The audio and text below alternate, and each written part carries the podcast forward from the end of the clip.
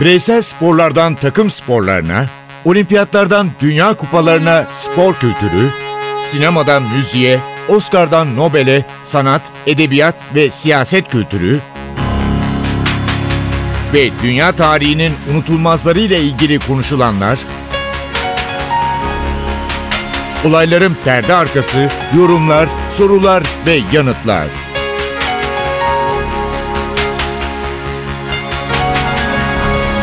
Ercan Taner ve Mert Aydın'la Ateş Arabaları başlıyor.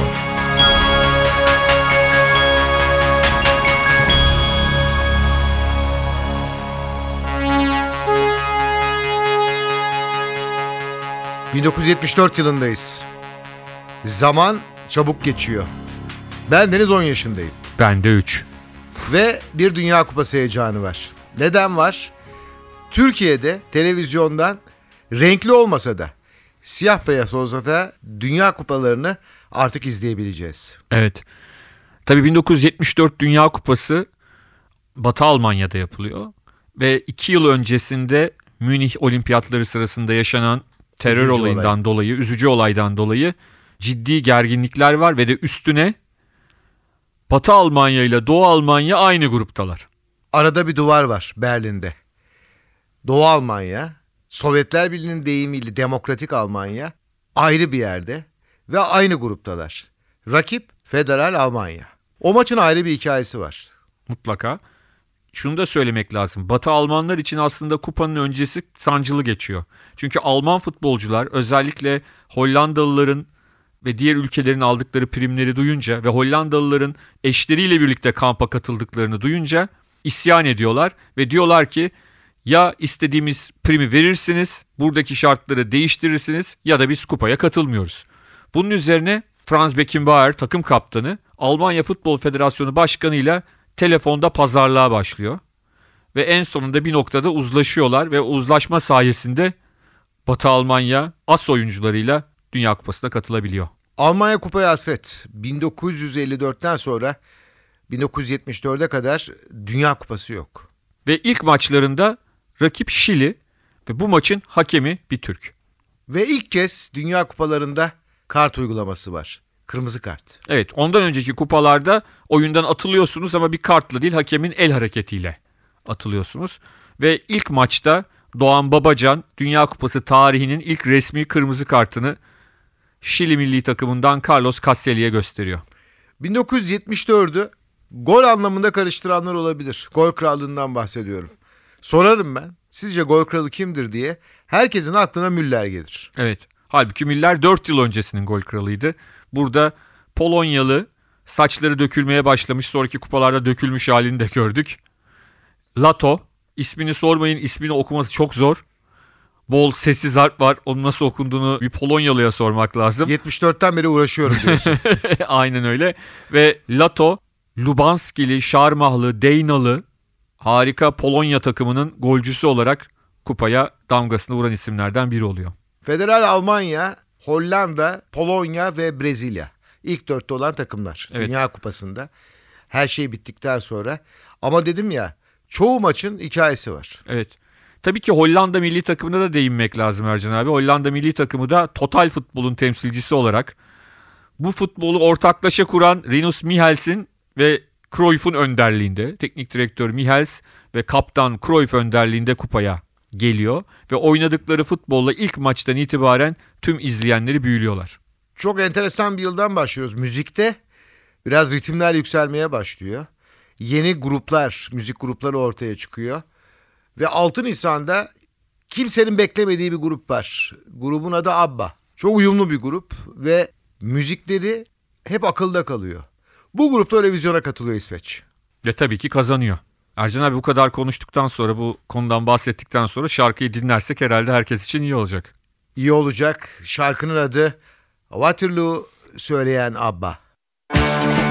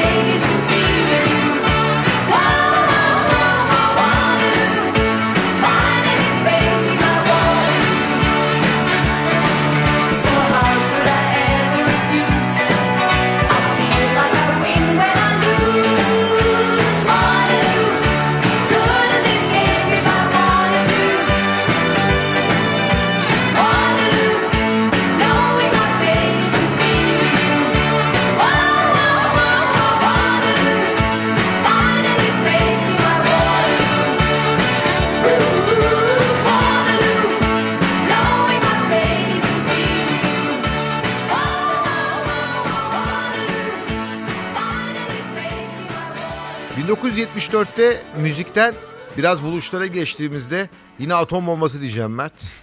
Çünkü 18 Mayıs'ta bu kez Hindistan ilk atom bombası denemesini gerçekleştiriyor. Dünyada atom bombası sahibi ülkelerin sayısı çoğalıyor. Evet. Türkiye açısından da 1974 önemli bir yıl. Kıbrıs Barış Harekatı 1974 yılına damgasını vuran olaylardan bir tanesi herhalde Ercan abi. Kesinlikle öyle. 1974'ün yazı futbolun dışında bizim için memleket için de çok sıcak geçti. Ben de çok iyi hatırlıyorum. Bir sabah kalktığımda haberler vardı radyoda. Biz adaya barış için gidiyoruz söylemi vardı. Ve o sırada bir şarkı çaldı. O şarkıda uzun yıllar bizim bilinçaltımızda hep yer etti. Doğru. Ayten Alpman söyledi bu şarkıyı. O şarkıyı herhalde Türkiye'de hemen herkes ezbere bilir. Herkesin çok sevdiği bir şarkıdır hala. Özellikle bizim gibi 10-12 yaşında olan nesil e, kolay kolay unutulacak günler değil o günler. Ayten Alpman'dan dinliyoruz. Bir başkadır benim memleketim.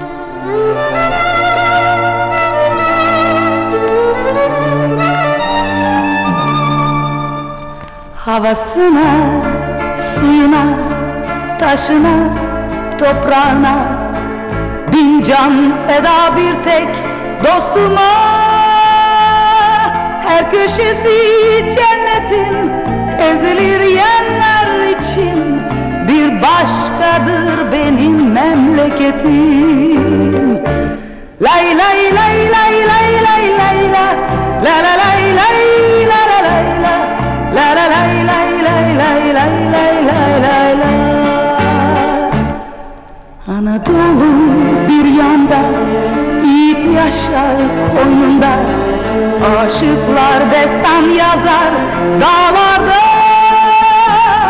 Kuzusuna kurdular Yunus'una rahat Bütün alem kurban benim yurduma.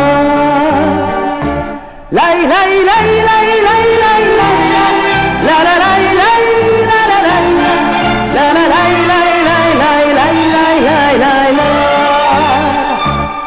Mecnun'a Leyla'sına erişilmez sırrına Sen dost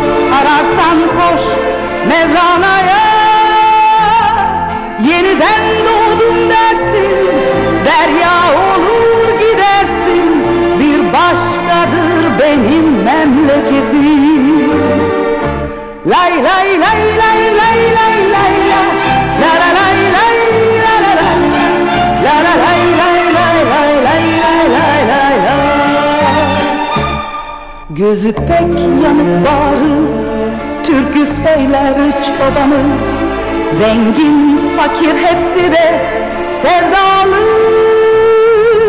Ben gönlümü eylerim Gerisi Allah kerim Bir başkadır benim memleketim Lay lay lay lay lay lay lay la La la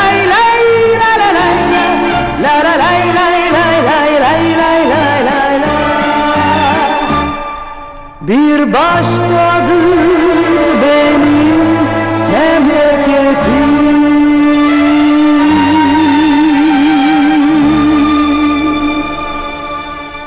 26 Haziran'da şimdi bakıyoruz ya barkod numarası nedir? barkod nasıldır diye. İlk kez Amerikalılar kullanmışlar. Hem de Ohio kentinde dünyada barkodla satılan bir ürün var. Şimdi bu ürün nedir? Hayal edin, düşünün, düşünün. Hakikaten bulmak zor. Ben de aradım ve buldum bir sakız.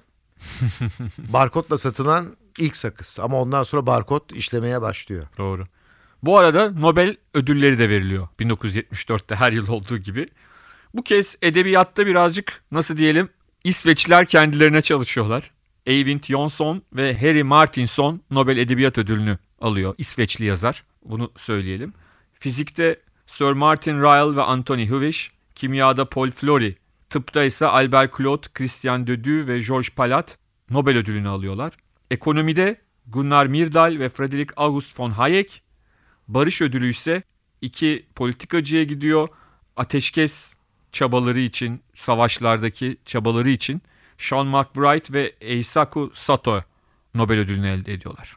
Amerika'da başkanlık makamında çok büyük bir sallanma var. Ve bu sallanma 1974'de damgasını vuruyor. Watergate skandalı. Amerikalı iki gazetecinin ortaya çıkarttığı bu dinleme skandalı sonrasında Amerika Birleşik Devletleri Başkanı Nixon tarihte bir ilki yapıyor. Çünkü önüne bir kağıt koyuyorlar. Ya istifa edeceksin ya da yargılanacaksın, hapse gireceksin.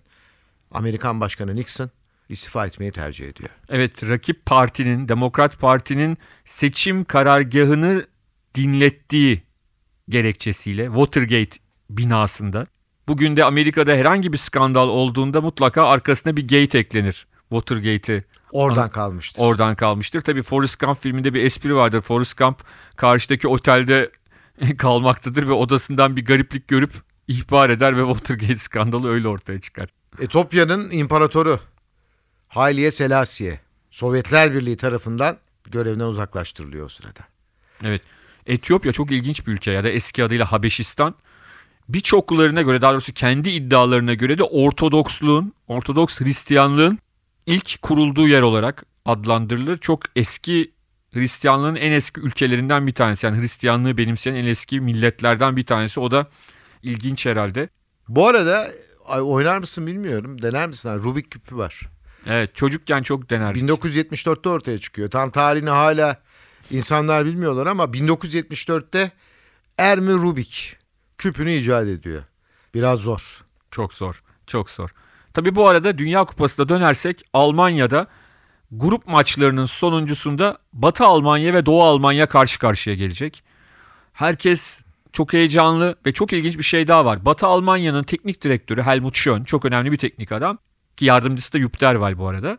Helmut Schön Dresdenli. Yani kökeni aslında ailesinin esas doğduğu, büyüdüğü, kendi doğup büyüdüğü şehir Doğu Almanya sınırlarının içinde kalmış. O yüzden de gidemiyor kendi şehrine. Onun açısından da Doğu Almanya ile yapılacak maç çok önemli. Ama diğer taraftan eğer Batı Almanya grup lideri olursa buradan gideceği noktada ilerlemesinde sıkıntı olabilir. Ama maç grubu ikinci bitirirse daha kolay ilerleyeceğini düşünenler de var.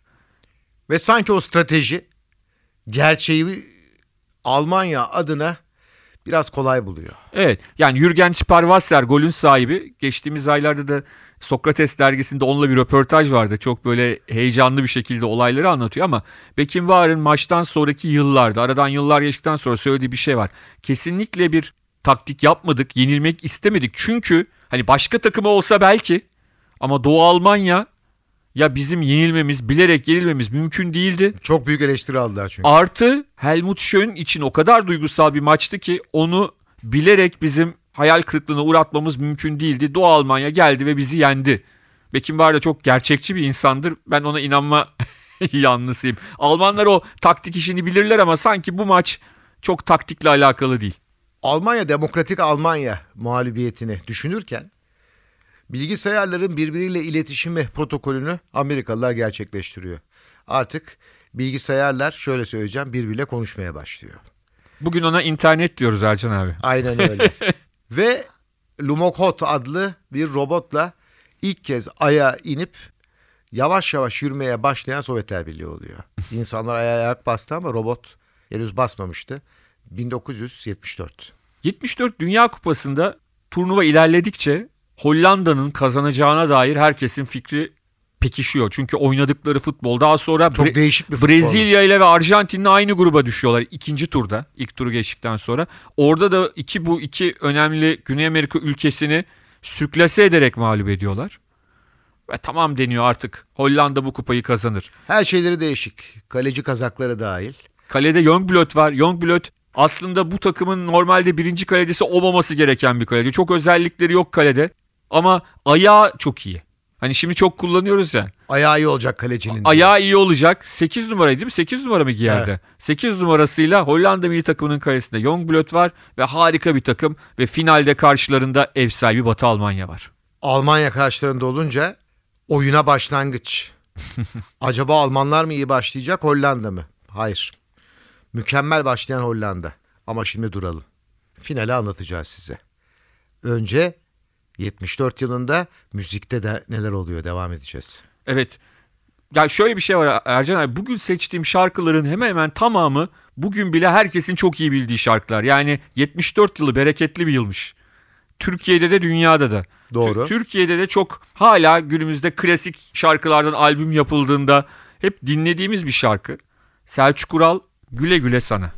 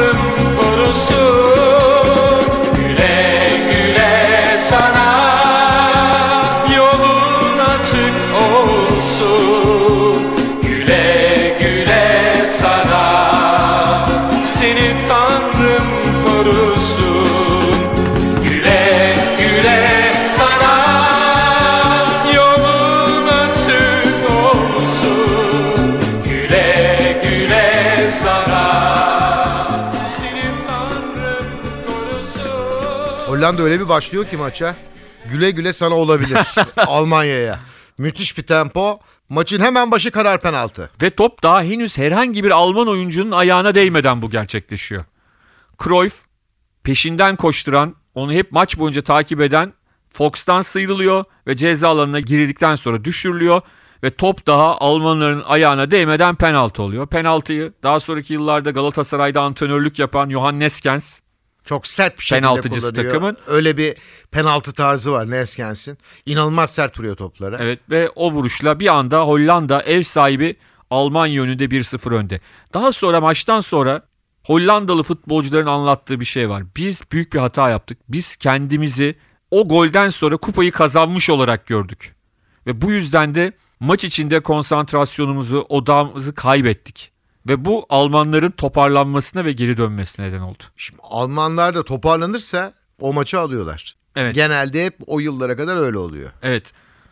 Gert Müller ve önce penaltıdan yine Breitner ardından Gert Müller devre biterken bir anda Almanları 2-1 öne geçiriyor. Ve ikinci yarıda ikinci yarıda bir büyük kaleci ortaya çıkıyor. Maier. do- daha sonraki dönemlerde yine futbola hizmeti devam etti. Fakat Sepp Maier iyi bir tenisçi aynı zamanda. Ve Sepp Maier'in kurtarışları Hollanda'nın iyi oyununa rağmen Batı Almanya'yı Dünya Kupası şampiyonu yapıyor. Almanya'nın bu kadrosu Dünya Kupası'nı alırken inanın o yıllarda herkes Hollanda bu kupayı alacak diye, bu finale alacak diye bakıyordu. Ama Almanya yine rakibini mağlup etmeyi başardı.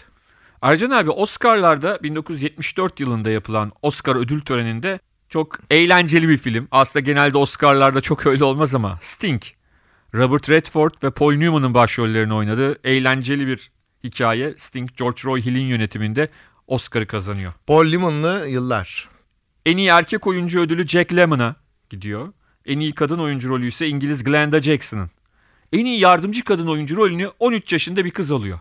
Babası da çok ünlü bir aktör. Ryan O'Neal. Ryan O'Neal'ın kızı Tatum ki daha sonra John McEnroe ile evlendi. Yine sporla bir bağlantısı var ünlü tenisçiyle. En iyi yardımcı erkek oyuncu ödülünü ise John Houseman kazanıyor. Şimdi size bir parça dinleteceğiz. Bu parçada o yıl en iyi film şarkısı dalında Oscar kazandı ama sadece en iyi film şarkısı dalında kazanmadı. Yılın da en başarılı şarkılarından biri olarak listelerde en üstte yer aldı. Şarkıyı söyleyen filmin de başrol oyuncusu ve çok önemli bir şarkıcı oyuncu diyelim Barbara Streisand ve filmin adı şarkının adı aynı. The Way We Were.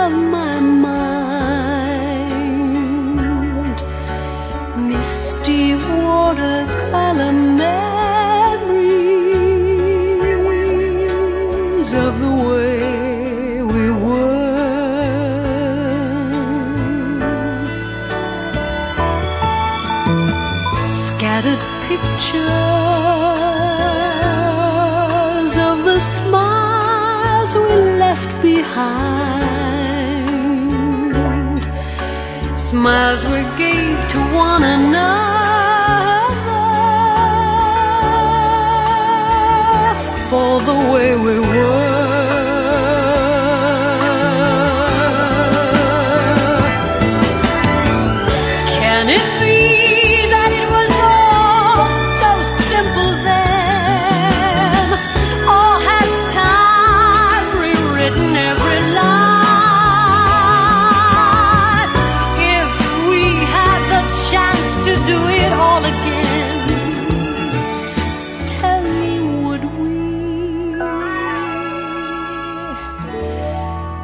呃鲈鱼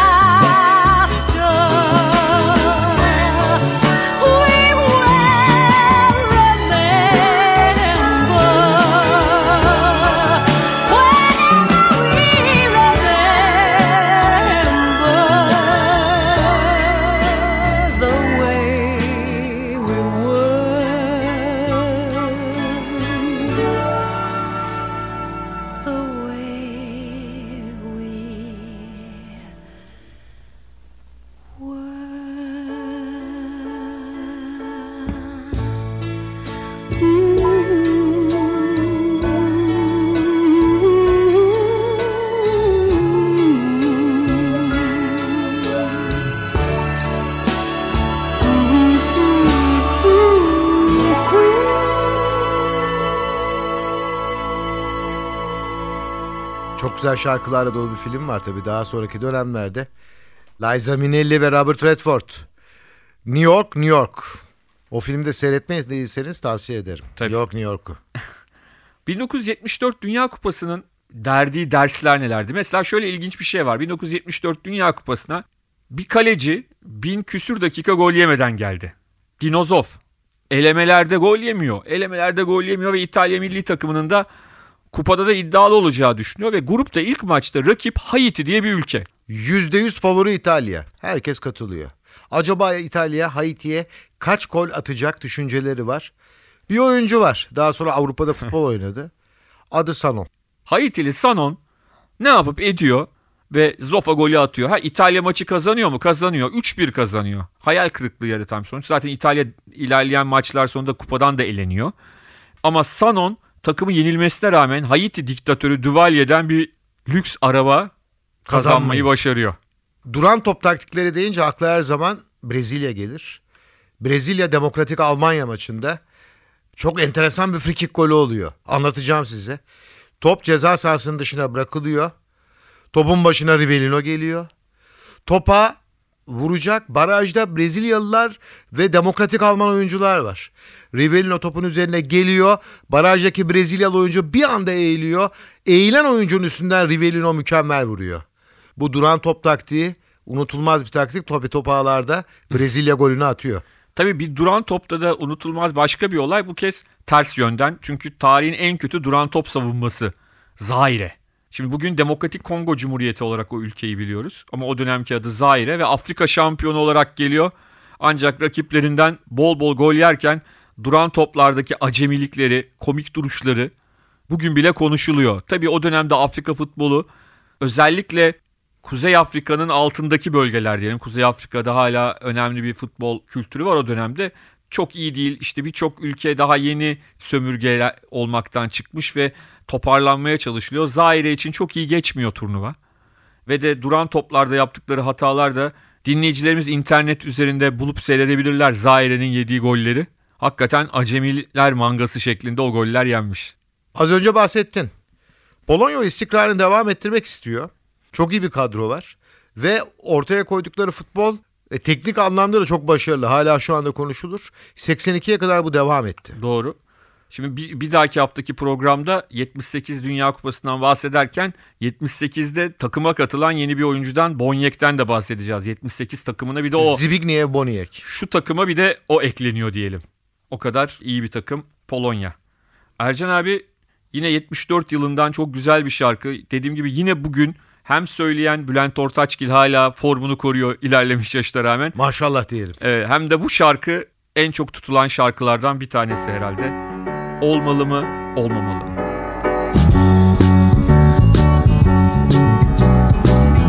Olmalı mı olmamalı mı Yoksa hiç değişmemeli mi? Ama ben değişmezsem Ben olamam ki. Görmeli mi görmemeli mi? Yoksa hiç bakınmamalı mı? Ama ben bakınmazsam hiç göremem ki